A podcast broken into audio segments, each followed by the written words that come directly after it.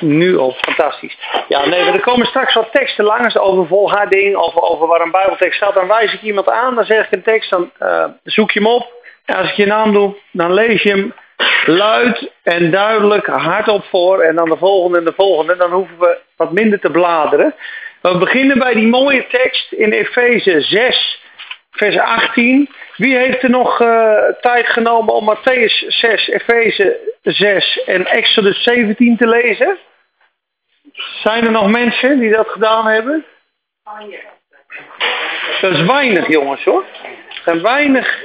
Eventjes een paar hoofdstukjes tussendoor. Stond op samen door de Bijbel. Uh, op, de, op de app heb ik het gezet. Nee? Dat weet je. Ja, stond er wel bij. Oké, okay, daar gaat hij. Vers 18. Terwijl u bij elke gelegenheid met alle gebed en smeking bidt in de geest en daarin waakzaam bent met alle volharding en smeking voor alle heiligen. Er zit heel veel in in dat vers. Terwijl u praying always, in het Engels praying always with all prayer and supplication in the spirit and watching thereunto with all perseverance and um, supplication voor alle heiligen. Maar hij zegt dus eerst elke gelegenheid, te alle tijden. Heftig hè? Altijd bidden. Met alle gebed. Het zijn dus vele vormen van gebed. Dat is de tweede die het langst komt. In de geest. Niet in de ziel, niet in het vlees, in de geest. De volgende is waakzaam daarin, in de geest, in het gebed waakzaam zijn met alle volharding. Zul je straks zien dat het hele Nieuwe Testament vol is. We hebben het wel eens met de zondagochtend gedeeld. Volharding, volhard in gebed, volharding, volharding, volharding, volharding. Volharding en gebed hand in hand. Dat komt dus opdat je op een moment komt dat het zwaar is. Gebed is zwaar soms. En volharding is dan, ik heb geen zin om te bidden, ik zie de noodzaak niet van het bidden. Bij mij komen er dan stemmen, hm, als het dan zo'n romance is met jou en Jezus, waarom gaat het dan zo moeilijk? Een lekkere liefdesrelatie. En uh, nu moet je weer bidden. Nou, dat moet er het nooit zijn, dus je hoeft niet te bidden, want dat gaat niet van harte. Dat zijn hele listige gedachten. Dan denk ik, ja, eigenlijk is, er zit wel wat in. Maar Jezus zegt toch volhard in het gebed. Ga ik dan gewoon een knop omzetten en bidden, zeg ik tien minuten later, wat een leugen zeg. Wat een leugens. Psalm 36, vers 10. In uw licht zie ik het licht. Dus je moet eerst in het licht komen en dan zijn je, heb je totaal andere ogen, totaal andere gedachten, totaal ander perspectief op de hele situatie. Dan denk je, wat ben ik weer tegengehouden? Want het, het, het, het bidden is soms net als een hele moeilijke, zware rivier overzwemmen. En het is een protocol en je begint en je denkt, het is een gedachte en moeilijk en dit. En, maar na tien minuten, of een oven die warm wordt, lijkt het net of je de overkant bereikt hebt. En of je van het vleeselijke, van het aardse, naar het hemelse begint te gaan. En op een gegeven moment denk je, ben een kind van God. Ik word weer helemaal blij. Ik zie het weer helemaal zitten. Prijs de Heer. Halleluja. Ik geloof het. En dan begin je eigenlijk te vliegen. En da daarom volharding is de grootste sleutel Volhard in gebed. Volharding. Dus komt een tijd dat je het heel zwaar hebt. Volharding. Met alle smeking voor alle heiligen. Die anderen. Dat je ook voor anderen gaat bidden. Dus volharding. Dan gaan we naar Jacobus 4. Nog een mooie tekst over gebed lezen. En we hier zitten. Jacobus 4. En dit heb ik dus jaren ervaren. En je doet van alles. Je rent naar conferenties. Je leest je Bijbel. Je leest een boek. Je rent hierheen. Je rent daarheen. Je zoekt. Je doet. En het komt maar niet wat je eigenlijk wil. En het staat er zo, zo duidelijk. Vers 2. U verlangt naar iets en krijgt het niet. U benijdt anderen en beijvert u om dingen te bemachtigen en kunt ze niet krijgen. U maakt ruzie, u voert strijd, maar u krijgt niet, omdat u niet bidt. Dus een christen die niet bidt, verkrijgt niet, kan de zegen niet pakken, benijdt anderen, raakt gefrustreerd, maakt ruzie, ontvangt niks. Hoeveel conferenties je ook afgaat, hoeveel je ook in je Bijbel zit, hoeveel je ook doet. Ik ken heel veel mensen die zo leven en ik heb ook zelf jaren zo geleefd. Wat is er aan de hand? Wat is er aan de hand? Je bidt niet. Of, vers 3, u bidt wel, maar u ontvangt niet. Omdat u verkeerd bidt. Ook een verkeerd gebed. Met het doel het in uw hartstochten door te brengen. En dan begint hij daarna over overspeligheid en wereld. Je hebt de wereld lief. Dus iemand die de wereld lief heeft, die bidt ook hè, naar de wereld. En uh, uiteindelijk zegt God, kom bij mij op school en schoot en bid ook op school, op de leerschool. En bid de wil van God. En de liefde zoekt zichzelf niet. En uiteindelijk ga je dan bidden naar Gods verlangen, naar Gods hart. Maar iemand die zijn de bidt, die bidt, eh, tuurlijk mag hij vragen. Heer, help me met het uitzoeken van een fijne vakantie. Maar iemand die met zijn hartstocht bidt, die bidt heel ikgericht. Die bidt heel vleeselijk. En God wederstaat dat gewoon. Want hij wil dat je eerst op schoot komt zitten bij God. Eerst is het ontmoeting. Eerst is het ontmoeting met God. Zitten, wandelen, stand houden. Zitten in Christus. Ontvangen, dankzegging. Nee, laten we maar gelijk naar Psalm 100 gaan. Dan geeft hij gewoon een paar sleutels van het gebed. Je kan niet zomaar naar binnen sprinten. Dat kan wel als je ochtends gebeden hebt en je zit de hele dag erin en je, en je contact God. Maar voornamelijk als je begint, begin je in de voorhof, in de buitenhof. En ik weet niet of mensen de tabernakel kennen, maar de tabernakel, daar kom je binnen door de Heer Jezus in zijn naam. En dan kom je bij het altaar, bij het kruis. En dan leg je eigenlijk jezelf af. En dan bedenk je dat je gered bent en dat het bloed gevloeid heeft. Hij komt vol vrijmoedigheid voor zijn troon door de nieuwe en levende weg. Moet je weg? Oh.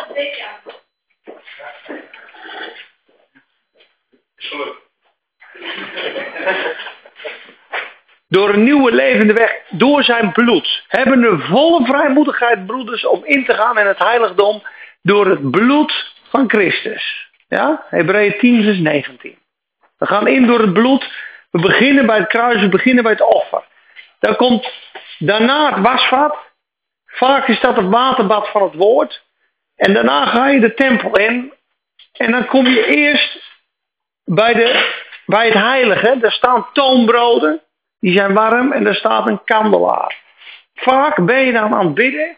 En kom je eigenlijk vanuit die voorhof, kom je eigenlijk in dat tweede gedeelte en dan krijg je echt verkwikking in je ziel. Je eet die broden, het licht gaat aan, wat we net al zeiden, en je bidt je noden uit. En op een gegeven moment bid je uh, uh, je noden dat heb je gedaan. En op een gegeven moment kom je toch op een punt dat je hem gaat zoeken.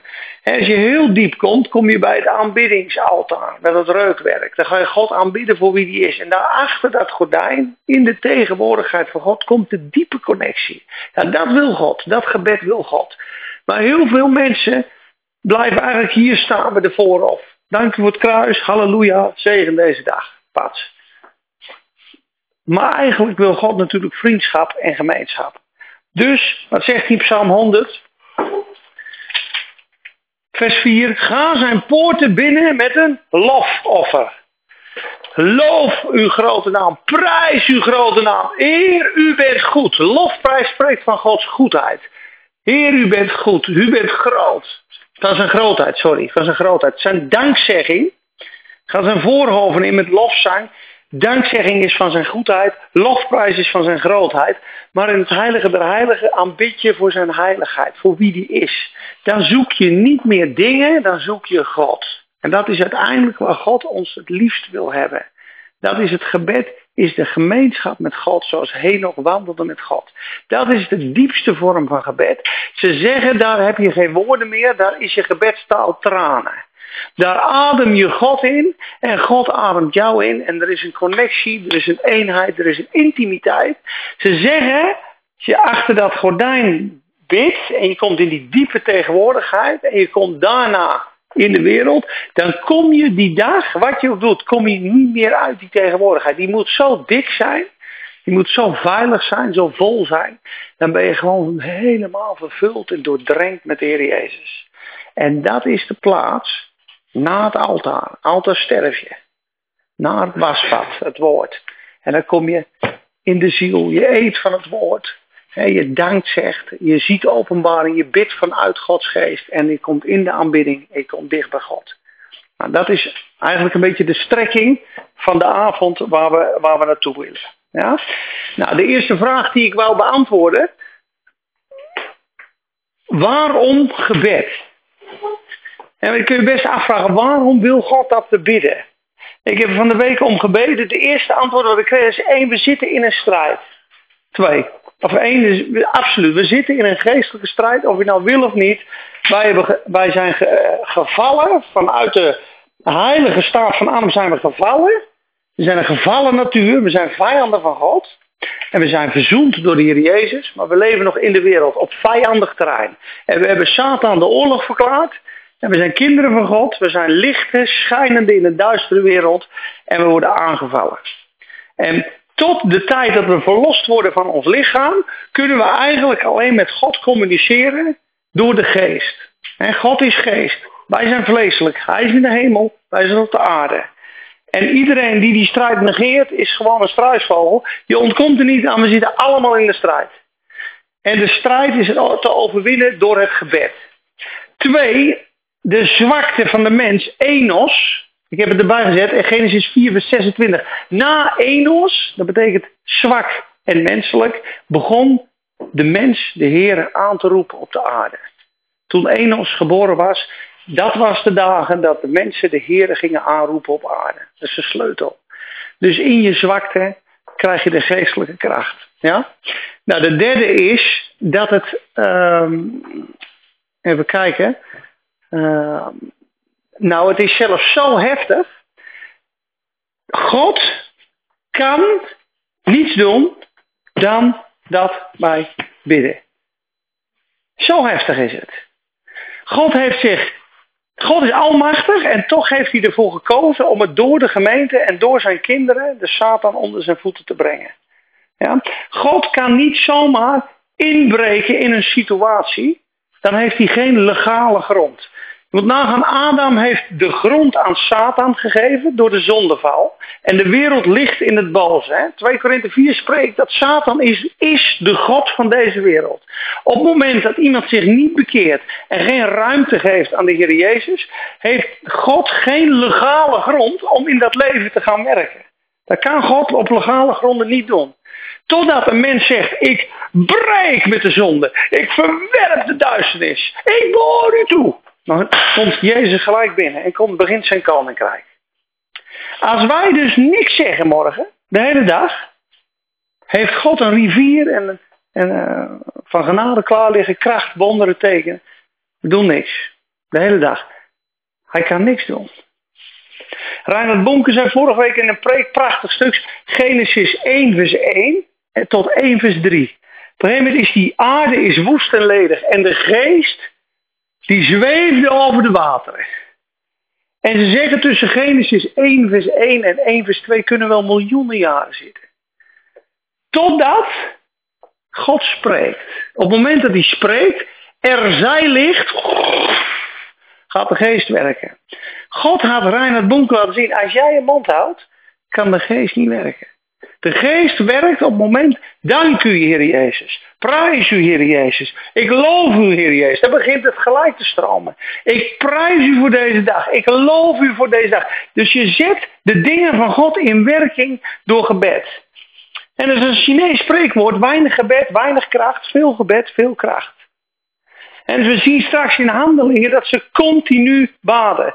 Jezus zegt in Lucas 18, vers 1: Mensen behoren altijd te bidden.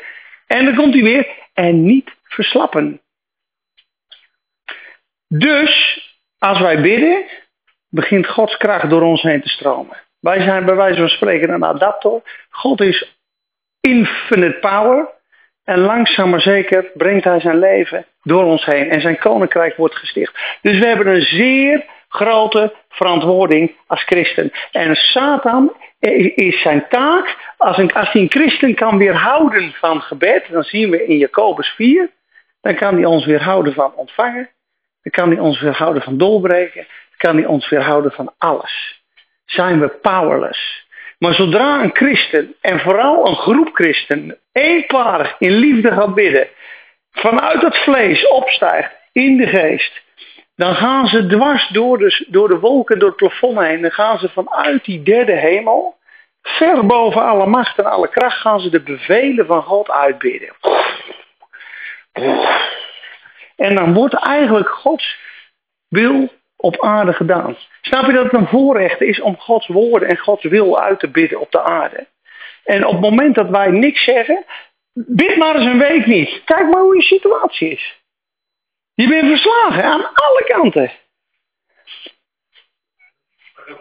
Graag.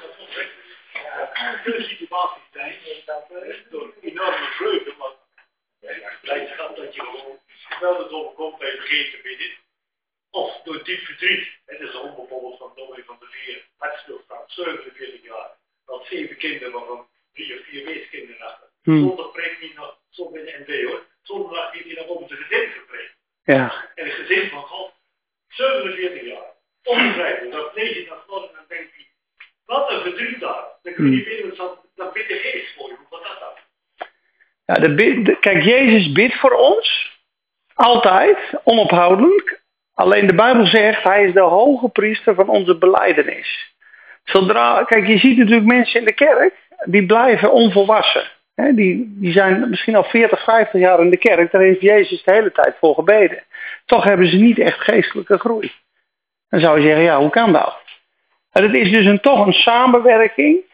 Op het moment dat je beleid gaat uitspreken, gaat Gods gebed ook in werking voor jou. Hij is de hoge priester van onze beleidenis. Dus hij gaat aan het werk. Daarom zie je ook in Hebreeën 11, het is onmogelijk om God te behagen zonder geloof. En ze zeggen als Elia op een gegeven moment zijn verhaal doet in snikken bij God. En ik heb gearbeid voor u. En ze hebben nu altaar.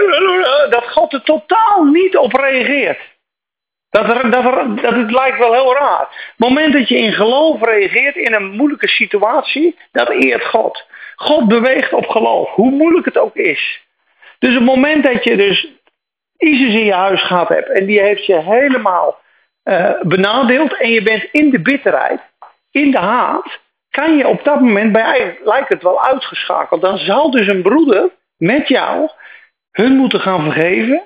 En uit je bitterheid en je woede wegstappen en aan God gaan loven en prijzen. Hoe zwaar is dat? Hoe moeilijk is dat? Maar dan begint dat leven te stromen. Dus op het moment dat ik echt boos ben en bitter, ben ik eigenlijk krijgsgevangene gemaakt. Sta ik eigenlijk buitenspel.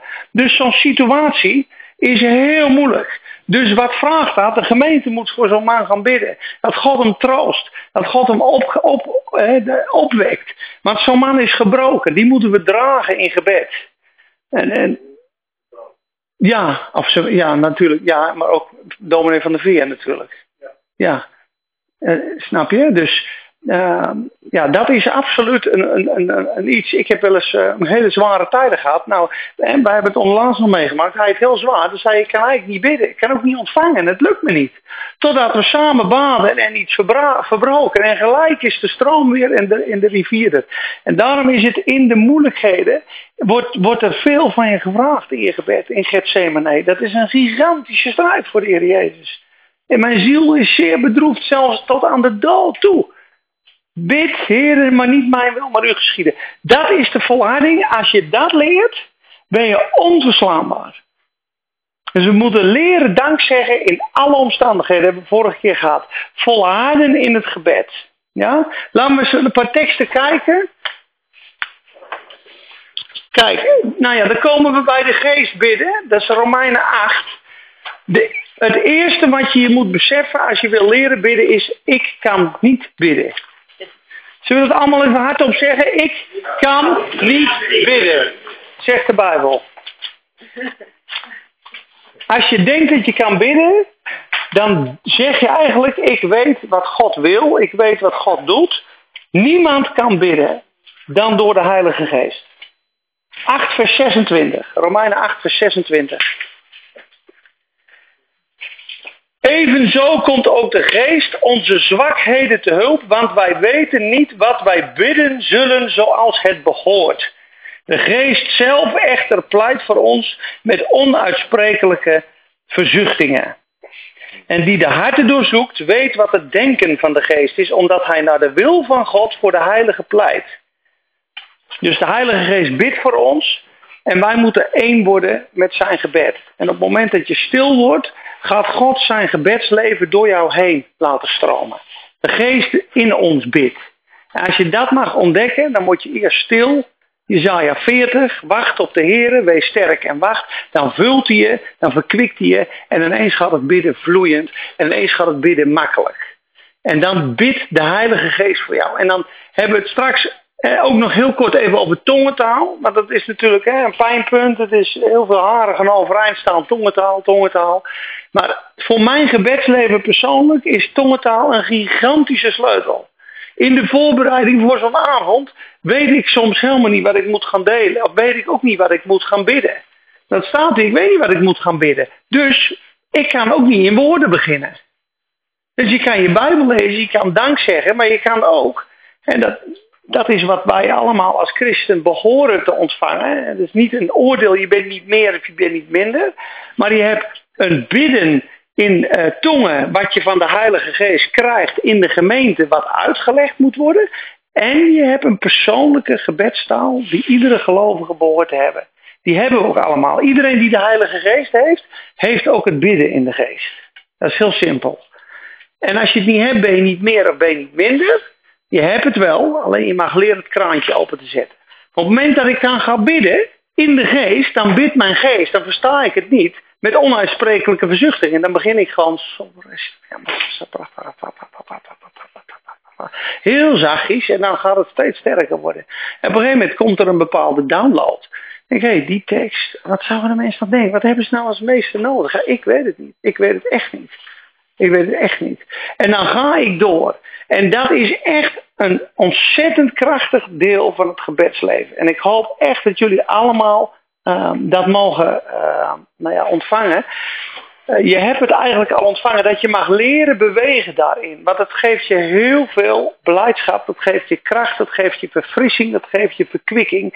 En in, vooral in moeilijke situaties, als je niet weet wat je moet doen en je kan in tongen gaan bidden, je gaat in het bos lopen en je bidt een kwartier in tongen, echt waar je komt terug, het antwoord. Dat kan natuurlijk ook gewoon door meditatie of door de Bijbel lezen. Maar voor mij persoonlijk werkt het heel erg. Ja, je kan het leren, je moet het gewoon doen. Het is gewoon een knop omzetten. En uh, het is net een oude auto die niet start. Je, je, je, je, je begint in rare klanken en je hoofd zegt... Ja, wat ben je nou aan het doen? En...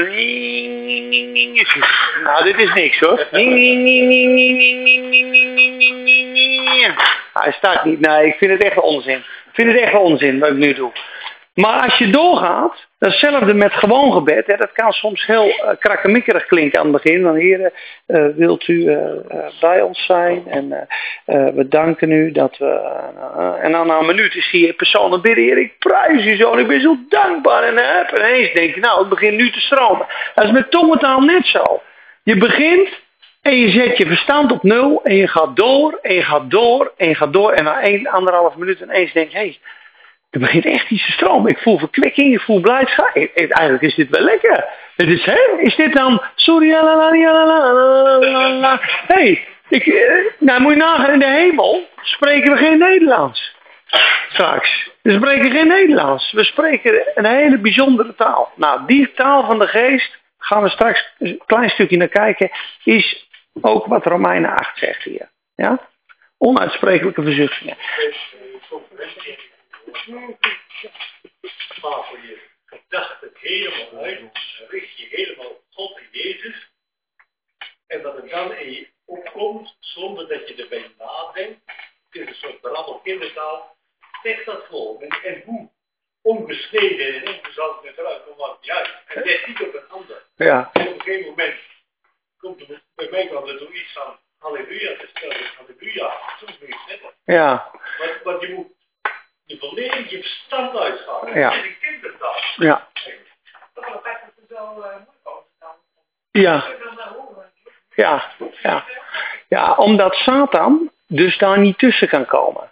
Dus je moet nagaan, ik denk als je in de geest zou zien wat er gebeurt als je tongen bidt, is dat er heel veel geesteskracht vrijkomt, dat er heel veel engelen in beweging komen en dat Satan aan alle kanten geraakt wordt en niet weet het vandaan komt. Hij hoort het niet, hij begrijpt het niet. En dat is bijvoorbeeld Psalm 91 zegt, wie in de schuilplaats van de Allerhoogste is gezeten en rust onder zijn vleugel. Er staat, de adder en de slang, dat, dat vertrapt hij, hij, de pestilentie kan hem niet raken, de plagen kan hem niet raken. Hij zit in Gods tegenwoordigheid, daar kan Satan niet komen. In die diepe tegenwoordigheid. Net als Job 28.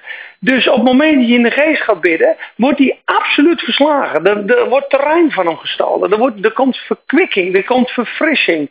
En er komt diepe wijsheid, er, komt, wordt kracht vrijgezet. Je kan in tongentaal bidden. En dan bid je misschien wel je meest leuke hobby. Bid je aan stukken. Waarvan je niet af wil. Zonder dat jij het weet. Ik ben helemaal weg van golven en je bidt in de geest. Heer, verlos me van het verschrikkelijke golf, want het blokkeert me. En ik, eh, ik dank u wel dat u me verlost van golven. Oh, halleluja, ik prijs u wel. En je weet niet waar je gebeden hebt. En twee maanden later... Karpenvissen. Nee, maar...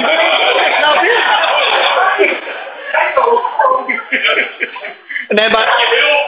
Ja, ja, nee, maar je bidt, je bidt de perfecte wil van God. Als jij bidt, Heer, ik wil volkomen in uw wil wandelen, hangt er altijd een prijskaartje aan van een offer. Ja, maar ik wil wel dit en dit blijven. Ja, maar het één moet, er moet iets wijken als je Jezus meer ruimte wil geven in je leven. Ja, ja. Ja, ja. Nee, er is op YouTube een filmpje. Dan hebben ze dus een paar, eh, een paar eh, dingen op eh, hersenactiviteit bij een dominee. En die gaat in het ziekenhuis bidden. En hij bidt eerst in het verstand, in het natuurlijke. Ik zegen de dokters, ik zegen de chirurg. En je ziet die hersenactiviteit zo gaan. En op een gegeven moment begint hij dus in tongen te bidden. En je ziet dus zijn hersenactiviteit afnemen. En op een gegeven moment gaat die voorste helft, die stopt helemaal. Dat is precies wat de Bijbel zegt. Als ik bid in de geest, is mijn verstand vruchteloos. Want ik bid met mijn geest. En ik bid op een hoger niveau, staat er. 1 Korinthe 14. Dus dat zie je gewoon gebeuren. Dus je ziet die dokters kijken, wat, is, wat is dit? Nou, dat verstand is voor ons vuur.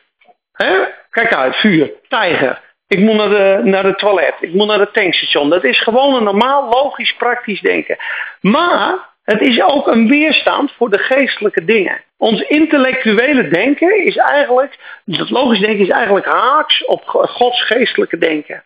Dan moet je nagaan, we hebben een film van 80 gig, die moet geconverteerd worden in een ander formaat. Ja, laten we zeggen van YouTube naar MP3.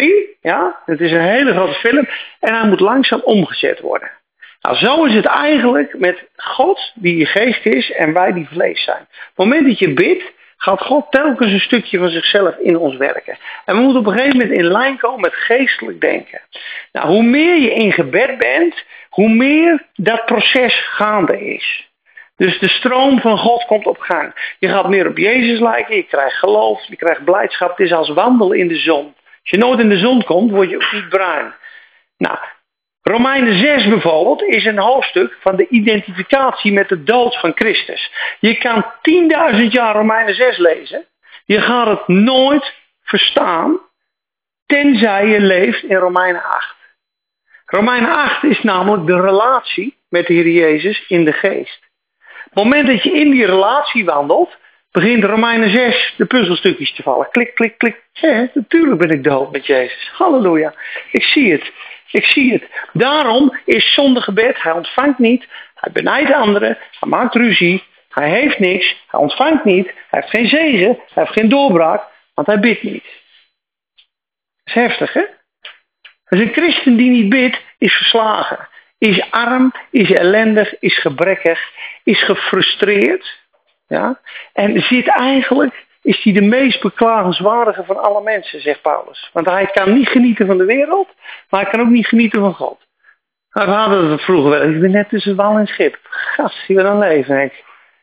Dat vind ik niks en dit is ook niks. Maar je kan niet meer genieten van de wereld. Maar je geniet ook niet van God. Want je hebt eigenlijk geen, geen fijn leven. Dus je hangt er een beetje tussenin zo. Verschrikkelijk. Dus all the way with Jesus. Nou, ik heb... eh, hoe meer... Weet je, er staan 5, 6, 7, 800 gebeden in de Bijbel. Leren bidden. Lees je Bijbel. Lees veel in de psalmen. Kijk hoe Jezus bidt in Johannes 17. Kijk hoe Paulus bidt in de brieven. Kijk hoe Daniel bidt.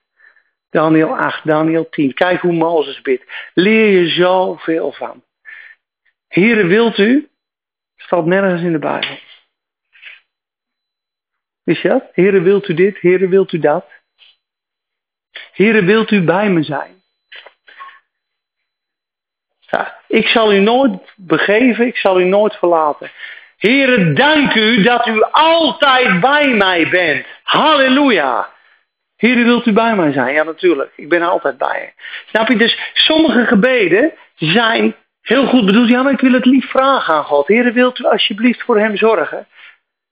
Snap je? Heer, ik dank u wel dat u vol barmhartigheid bent. Dat u zorgt voor hen. Ik dank u dat u op dit moment hen bezoekt met uw barmhartigheid. Er is veel meer geloof en blijdschap in zo'n gebed als het vragen. Dat is gebrekkig en zwak. En dat moet je leren. Dus lees veel in de Bijbel. En, uh, Mozes, een gebed. Here, genees haar nu. Dat lijkt wel onbeschoft. Als Mirjam, heren, ik, ik, ik, ik vraag u, ik verzoek u, genees haar nu. Nou ja, strek uw hand uit, zegt Jezus. En op daar, sta op en wandel. Heer, ik weet dat u mij altijd hoort. Lazarus, kom uit! Dat is gewoon een opdracht. Heer, wilt u alsjeblieft zorgen dat Lazarus uit zijn graf komt? Dat is toch een hele ander gebed. Snap je dus? Gebed manier gaat het dan automatisch van hier bij me zijn vandaag. Ja, ja. het eigenlijk al. Ja, het is een heel menselijk gebed en er zit ook geen geesteskracht in dan. Ja, moet je afleren, echt waar. Want eigenlijk dan, je weet verstandig wel dat hij altijd bij je is, maar toch... Je moet gewoon gaan danken, ja. Ja, ja, ja. Het is heel erg raar. Het lijkt dan haast inderdaad zo'n onbeschoft om te zeggen, ja, ik hoef eigenlijk niet eens te bidden, want ik weet toch wel dat hij bij is. Ja, maar dat is maar nodig Ja, ja, ja. ja, Dat bedoel ik. Je mag de vader vragen in je naam. Wat je doet, dus je mag ook vragen God. Vraag in mijn naam. Ja. Ja. Ja. Ja. Ik vraag u. Ja, maar wilt u, heren, wilt u? Is, is wat anders. Als heer, ik bid u. Snap je? Ik bid u. Zegen mijn kinderen. Wilt u mijn kinderen zegenen? Heer, ik vraag. Ja, dat kan. Dat kan. Maar je moet nagaan, lees je Bijbel, lees de gebeden. Neem eens even een voorbeeld. Hè? Bijvoorbeeld Handelingen 4, dat ze bidden. En dan bidden ze dus de Bijbel. Zometeen eventjes een kort pauzetje doen. En dan gaan we daarna nog even verder, ja? Handelingen 4. Ze zijn net bij de raad weg. En op een gegeven moment zijn ze losgelaten. Ze gaan naar hun eigen mensen. En in vers 24 begin ik. En toen zij dat gehoord hadden, verhieven zij eensgezind hun stem tot God en zeiden, Heere, u bent de God die de hemel en de aarde en de zee gemaakt heeft en alle dingen die erin zijn. Eerst zetten ze neer zijn grootheid. Daar beginnen ze mee. En bij de monden van David, uw knecht, gezegd hebt, waarom woeden de heidevolken en bedenken de volken wat inhoudsloos is? Psalm 2. De koningen van de aarde stellen zich op en de vorsten spannen samen tegen de Heer en tegen zijn gezalfde. Want in waarheid tegen uw heilig kind Jezus die u gezalfd hebt, zijn Herodes en Pontius Pilatus samen met de heiden en de volken van Israël bijeengekomen. Om alles te doen wat uw hand en uw raadsbesluit van tevoren bepaald had. Nou, let op. Nu dan. Sla acht op hun bedreigingen.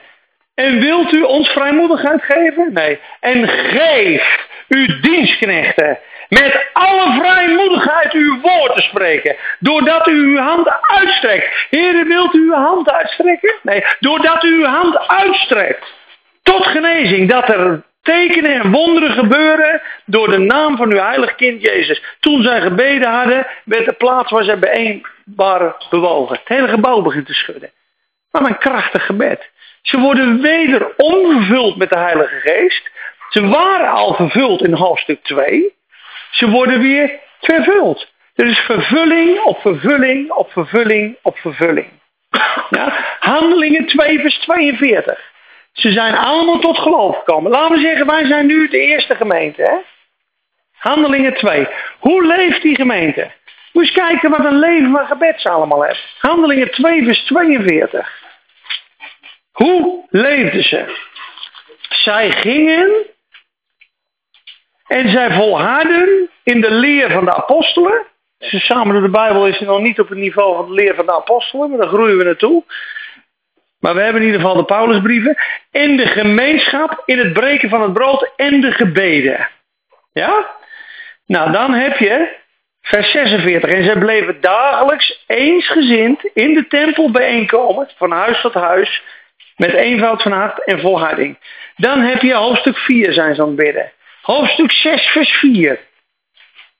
Wij echter zullen volharden in het gebed, in de bediening van het woord. Nou, hoofdstuk 12 zie je gebed. Hoofdstuk 10 is Peter aan het bidden. Het is een leven van gebed op gebed op gebed en van uitgaan. En door dat gebed worden ze telkens weer vervuld. Door dat gebed groeit het geloof. Zonder gebed is er geen geloof. Ik heb in dat stukje gezegd, we samen de Bijbel, een pauze in gebed. Mooi hè, nu gaan we pauze houden. Is een pauze in het geloof. Een pauze in het geloof is een pauze in God. Op het moment dat je stopt te contacten met God, is niet alleen voorbeden. Hè? We hebben niet alleen ik bid voor tante die en ik bid voor die en ik bid voor die en ik bid voor Isis. Daar word je op een gegeven moment heel moe van.